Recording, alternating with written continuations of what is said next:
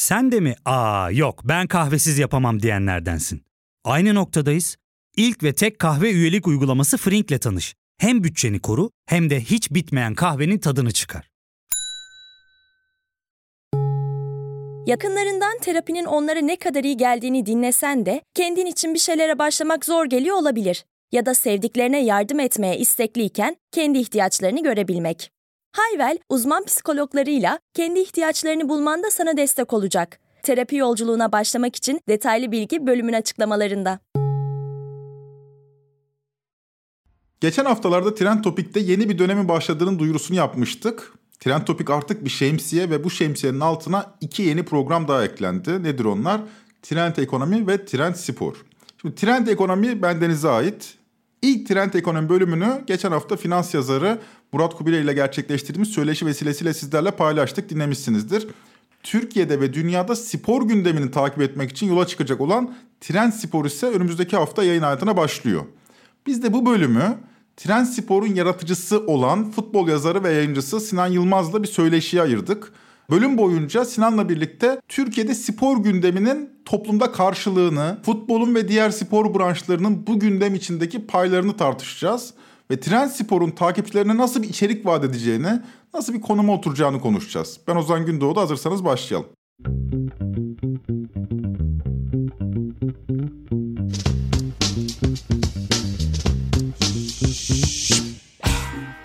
Malumunuz Trend Topik'te gündemi, güncel olanı takip etmeye ve bunu derinlikli bir biçimde, bir bakış açısıyla siz dinleyicilere sunmaya çalışıyoruz. Ama Türkiye'de siyaset ve ekonomi gündemi her daim meşgul ediyor ve Trend Topik bölümlerini de genellikle bu alanlar üzerine inşa ediyoruz.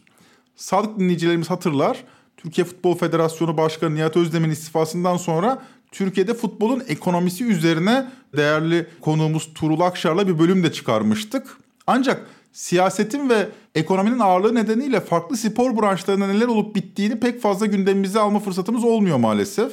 Bu bir sorun olanıydı bizim için. Oysa Türkiye son dönemlerde farklı spor branşlarında büyük başarılara imza atıyor ve bunların her biri başlı başına bir bölüm ayırmaya değecek öneme sahip gündemler. Sinan'ın yaratıcılığını üstleneceği Spor bu açığı kapatacak ve o hafta spor gündeminde olan biteni derleyip güncel kalmanıza yardımcı olacak. Şu anda karşımda Sinan var kendisiyle Türkiye'de bu dominant siyaset ekonomi gündemi karşısında spor gündeminin durumunu ve tren sporun bu gündemde nereye karşılık geleceğini konuşacağız. Hoş geldin Sinan. Selamlar. Tren spor hayırlı olsun. Teşekkür ederim. Şimdi bazı sorularım var sana ama önce bir seni tanıyalım. Ondan sonra bu Türkiye'de spor hakkında biraz daha derinlikli bir sohbet ederiz seninle. Tabii ben sektöre 2010 yılında girdim ve çeşitli medya kuruluşlarında Medyaspor, Futbol Arena, Asistanliz ve son olarak da Sports Digital gibi çeşitli YouTube kanalları veya haber sitelerinde editörlük, yorumculuk gibi birçok farklı alanda çalıştım. Öte yandan bir dönem sahanın içiyle ilgili teknik heyet tarafında scoutluk yaptığım oldu Anadolu takımlarına. Geride kalan 12 yılda yoğun bir futbol gündemi ve spor gündemiyle ilgili olarak çalışıyorum diyebilirim. Ya şimdi benim çok tanıdık olduğum bir alan değil spor gazeteciliği ama empati yapıyorum. Yani en çok zorlanılacak kısım taraftarlardır diye düşünüyorum.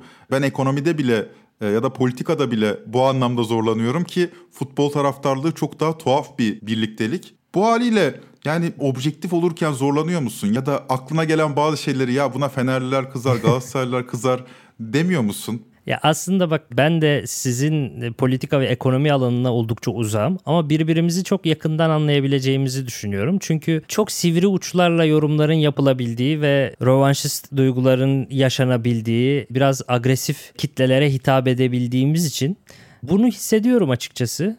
Ama şundan da çekindiğin zaman o zaman yeterli saygınlığı da yakalayamıyorsun bence. Yani şöyle birileri mutsuz olacak diye söylemlerini yumuşatmak veya sürekli polyanlacılık oynamak.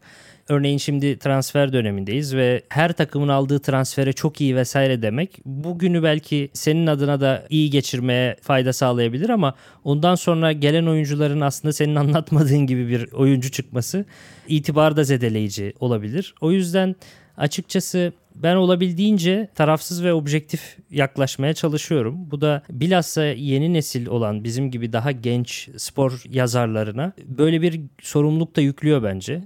bizim yeni neslin bir önceki nesile göre biraz daha geliştirici bir rekabeti var. Birçok genç çünkü bu işi yapmak istiyor ve bunun için de daha çok çalışmak, daha çok emek harcamak ve bu sayede biraz saygınlığı kazanmak benim en azından önceliğim. Çünkü bizden önceki nesil bu spor yazarlığı yapan insanlar geçmişte bu yaptıkları sporla ön plana çıkmış eski sporcular oluyorlardı ve genelde atıyorum şu anda transfer dönemindeyiz. Gelen oyuncuları izlemezlerdi ve herkesle birlikte izlerlerdi aslında. Bir emek eksikliği çok ciddi oranda vardı spor medyasında. Veya şunu söyleyebilirim. Mesela hazırlık maçlarını izliyorum ben. Dört büyük takımında. Tamamını da izledim hazırlık maçlarının. Eski nesil yorumculara hazırlık maçı bile izletemezdiniz mesela. O yüzden yeni nesil biraz daha ayrılıyor ve açıkçası objektif yaklaşmak da zorunda bence. Taraftarlıktan sıyrılmak ve emek harcamak, çalışmak ve objektifte olmak zorunda eğer başarılı olmak istiyorsa. Bu yeni nesil spor yazarlığında biraz daha derinlikli bir bakış açısı var. Benim gözlediğim de o. Bunda sence yeni medyanın etkisi var mı? Çünkü eskiden önümüze Konan'ı yiyorduk. Yani gazetelerde ya da televizyonlarda gerçekten son derece sığ yorumcular büyük ölçüde reyting kaygısıyla bu işleri kotarması beklenen yorumcular oluyordu. Ve onlar da bir takımın angajmanı içerisinde tam da senin dediğin gibi aslında öyle hazırlık maçlarını falan bile izletemediğiniz Doğru. insanlar oluyorlardı. Yeni medyanın sence burada etkisi var mı? İşte YouTube mecrası olsun, podcastler olsun ya da yeni içerikler Twitter, işte Instagram vesaire daha derinlikli bakış açıları geliştiren insanlar da ortaya çıktı bu süreçte. Kesinlikle var. Bence yeni medya aslında rekabeti arttırıyor. Yani çok sayıda YouTube kanalının da açılması, haber sitesinin de açılması, yazarak, konuşarak veya podcastlerle anlatarak bir şekilde kendi kitlenize ulaşabiliyorsunuz. Kendinize bir kitle yaratabiliyorsunuz. Eskiden herhalde sadece televizyon olan dönemden bilhassa veya gazetelerin olduğu dönemde zaten fazla bir rekabet yoktu ve birkaç tane televizyon kanalının birkaç tane yorumcusu bazen siyasi tanıdıklarının el vermesiyle onlara yakınlıkları sayesinde zaten senelerce o koltukları işgal ediyorlardı ve kendilerinin için bir emek harcamalarına gerek yoktu. Yani yeni gelen futbolcunun adını bile bilmiyorlardı ve rekabetin olmadığı yerde de açıkçası hiçbir şekilde gelişimde olmuyordu o açıdan. Yorumcular kendilerini geliştirmek zorunda kalmıyorlardı ama yeni nesil ön plana çıkabilmek için, bir takipçi sayısına ulaşabilmek için hem YouTube'da olsun hem sosyal medyada olsun o istatistik bilimine de uğraşmak zorunda. Onu da algılamak zorunda. Yeterince maçta izlemek zorunda. Daha detaylı analiz yapmak zorunda. Bence bu çalışkanlığı ve emeği arttırıyor ve pozitif bir geri dönüş de yansıyor. Daha gelişmiş, daha doğru analizler yapan, daha değerli yorumlar yapabilen bir kuşak geliyor diye düşünüyorum. Bir de herhalde dediğin yerden mesele de artık çok çetrefilli bir hal almaya başladı. Endüstriyel futbol diye bir şeyden bahsediyor. Artık borsalarda hisse senetleri değerlenmeye başlıyor. Transfer sezonları var artık ve transfer sezonları da spor basını takip eden okuyucuların, dinleyicilerin ilgisini çekiyor. İşte Amerika'da NBA'in transfer sezonu maçlar kadar takip ediliyor. Şimdi sence bu meselenin sadece örneğin öyle bakış açısı olanlar da var. Sadece yeşil sahaya odaklanalım diyenler var. Mesela yeşil saha yetmez arkasındaki finansal yapıyı da irdelemek lazım diyenler var. Ya da daha derinliğine inelim işte transferlerin arka planını inceleyelim vesaire diyenler var. Sen nasıl bakarsın bu işe? Yani şöyle bir ekol vardı bir ara. Sadece yeşil saha. Yani 90 dakikayı değerlendirmek gerekir. Ama biraz da arka planı var. Okuyucu da istiyor her an anladığım kadarıyla. Ya fark ettin mi? Biz en çok kahveye para harcıyoruz. Yok abi bundan sonra günde bir. Aa, sen Frink kullanmıyor musun? Nasıl yani? Yani kahvenden kısmına gerek yok. Frink'e üye olursan aylık sadece 1200 TL'ye istediğin çeşit kahveyi istediğin kadar içebilirsin. Günlük 40 TL'ye sınırsız kahve mi yani? Çok iyiymiş. Aynen. Hatta şu anda 200 TL'lik bir indirim kodu da var. E hadi hemen indirip üye ol da bu fırsatı kaçırma. Terapiye başlamak, içinden çıkamadığın döngüleri kırmak, bazı yanlış bulduğun kararlarını değiştirmek ve kendinle beraber daha huzurlu bir yaşam inşa etmek için atabileceğin en değerli adımlardan biri. Hayvel ile yoğun yaşam tempona uyum sağlayarak online terapi seanslarını takvimine göre ayarlayabilirsin. Bini aşkın uzmandan sana en uygun terapisti seçebilir, PodB10 koduyla indirimden yararlanabilirsin. Detaylı bilgi açıklamalardaki bağlantıda. Ya açıkçası transfer dönemleri çok daha fazla izlenip çok daha fazla içerik tüketiliyor. Yani uzun süredir medyada çalıştığım için herhalde iki kata kadar yükseliyor. Yani şu andaki izlenmelerimiz yaz transfer dönemindeki izlenmelerimiz sezon içindeki izlenmelerin iki katını bulabiliyor. O yüzden bu ilgi %100 ki bütün dünyada böyle yanlış bilmiyorsam. Yani Amerikan sporlarında falan da böyle. Transferler müthiş bir ilgiyle takip ediliyor. Bu biraz toplumsal dönüşümle alakalı olabilir. Hep yeni olanın elindekinden daha iyi olduğuna inandırılan bir toplum olarak hep böyle transfer istemek, hep yeni bir isim gelsin, hep yeni olsun isteği belki bunu daha cazip kılıyor da olabilir. Onu tam bilemiyorum ama öyle bir fikrim var. Bir de mesela yakın dönemde dinlediğim Immanuel Tostoyevski'nin buradaki Fularsiz Entellik podcastinde 3 bölümlük bir futbol ekonomisi podcast dizisi vardı. Orada da işin ekonomik boyutunun çok çarpıcı olduğunu gösteren, son 100 yılda ne kadar değiştiğini gösteren çok keyifliydi dinlemesi de. O podcast'i de hazır yeri gelmişken değineyim. Yani işin ekonomik boyutu gerçekten çok çarpıcı ve bazen sahanın içinde olanlardan daha ilgi çekebilir hale gelebiliyor gerçekten de. Şeyin ilgisi sence bu konuda ne kadar derinlikli? Taraftarın ilgisi. Şimdi spor basınını takip eden kitle aynı zamanda büyük ölçüde taraftar. Beşiktaşlı, Galatasaraylı, Trabzonsporlu, ne bileyim Göztepe'li, Kayseri Sporlu. Ama bir yandan da transfer arzuları da var. Fakat takımlarının mali durumları hakkında yeterince fikir sahibi mi? Çünkü şöyle bakıyorum mesela çok ciddi bir transfer yapıyorlar bir takım. Ben işin ekonomisiyle biraz daha ilgileniyorum. Taraftar çok seviniyor. Halbuki yani bu benim orta gelirli maaşımla Ferrari araba almam gibi bir şey. Ve buna eşimin çok sevinmesi gibi bir şey. Yani o ne güzel Ozan Ferrari almış diye sevinmek gibi bir şey gibi geliyor bana. Taraftar vaziyetin sence farkında mı bu mali tablonun? Ya Ozan şaşıracaksın belki ama iki yıl önce tam senin verdiğin örneği vermiştim bir programda. Ve şöyle demiştim bir aile babası atıyorum 5000 TL'lik maaşıyla büyük bir borca girip 500 bin TL'lik bir araba gelse herhalde biz öyle bir durumda babamıza ne yaptın ocağımıza incir ağacı diktin diye çok büyük bir sitem ederiz. Ama taraftarlar böyle bir sitem etmek yerine canım babam araba almış diye bir yaklaşımda bulunuyor diye bir yorumda bulunmuştum. Evet bu kısa vadede sevindirici ve mutlu edici bir gelişme olabilir arabayı kullanana kadar. Fakat ilk taksidi geldikten sonra üzücü bir hale gelmesi gerekir. Ama bütün hükümetler sadece bu mevcut hükümet dönemi de değil. Yani bütün hükümetlerde de bir şekilde kulüplerin ekonomik olarak kurtarıldığını görüyoruz. Ta ki şu bankalar birliği anlaşmasına kadar. Son olarak Galatasaray'ın başkanı Dursun Özbey'in açıklamalarını dinlemiştim ve şundan bahsetmişti. Bir yıllık geliri bankaya ödenmesi gereken bir yıllık faizi bile karşılayamayacak duruma gelecek kulüplerin diyor. Yani bu kısa dönemde kulüpleri bankalar yönetecek anlamına geliyor benim adıma. Ama çok da senin gibi konunun uzmanı olmadığım için çok da bir yorumda bulunmak istemiyorum ama senelerdir büyük bir ekonomik buhranda aslında kulüpler. Ama nasıl oluyorsa senelerdir de devam ediyorlar aynı işleri yapmaya. Onu çok anladığımı söyleyemem açıkçası. Onu açıkçası ben de anlayamıyorum. E, şimdi bir taraftarlık var anladığım kadarıyla. Bir de gerçekten spor severlik diye bir şey var. Şimdi bu ikisi arasındaki makas da anladığım kadarıyla giderek açılmaya başladı. Yani spor severlerin sayısı artmaya başladı. Meseleye sadece kör bir taraftarlık gözüyle bakmıyorlar. Baya bir spora gerçekten bütün teknik altyapısıyla beraber hakim olmayı seviyorlar ve öyle takip ediyorlar. Sence böyle bir eğilim iyi mi kötü mü? Ya da böyle bir eğilim sen de gözlüyor musun? Böyle bir ya da böyle bir farktan bahsedebilir miyiz? Yani ben taraftarlıkla spor severliği böyle ayırdım ama böyle bir fark sen de gözlüyor musun?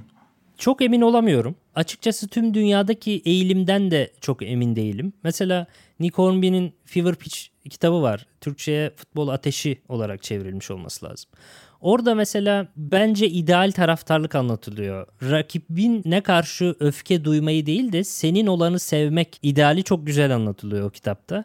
Benim mesela eski ev arkadaşım gittiği bütün maç biletlerini yıl yıl biriktirirdi ve artık 36-37 yaşlarına geldi. Herhalde çocuğuna falan devretmeyi düşünüyor o biletleri. Bir koleksiyon yapıyordu mesela. Bu güzeldi.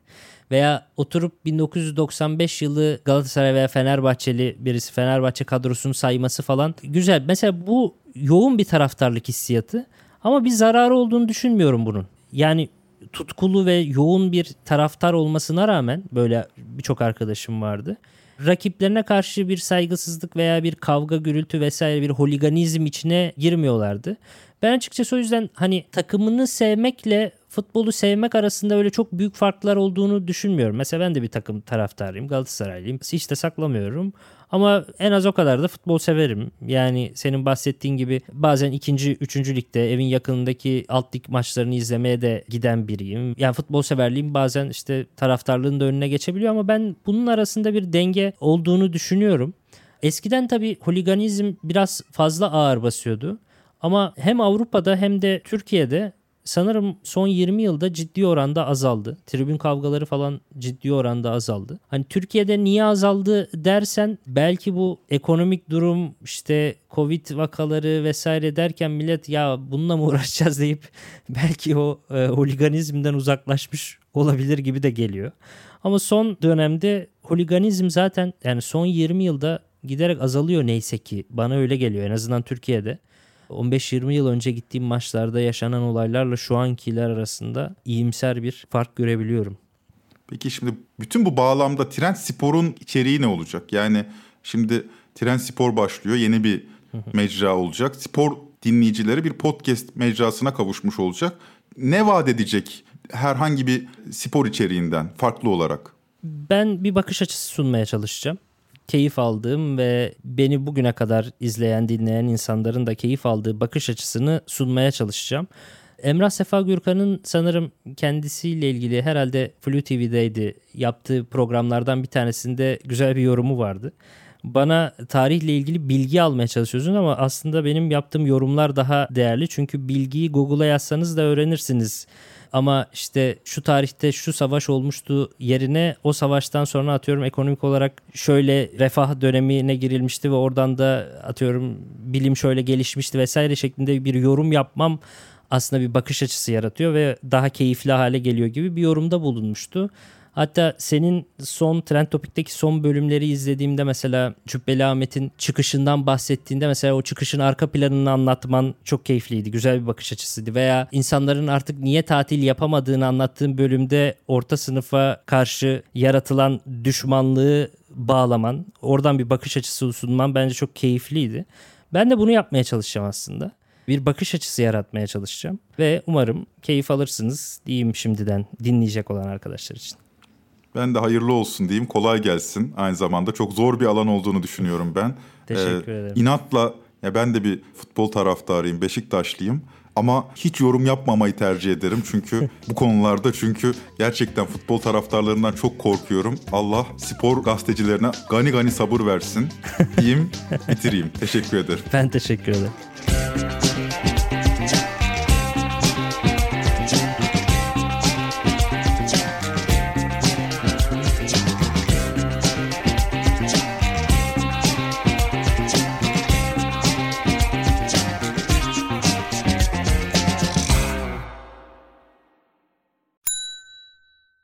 Tek kahve üyelik uygulaması Frink, 46 ildeki 500'den fazla noktada seni bekliyor.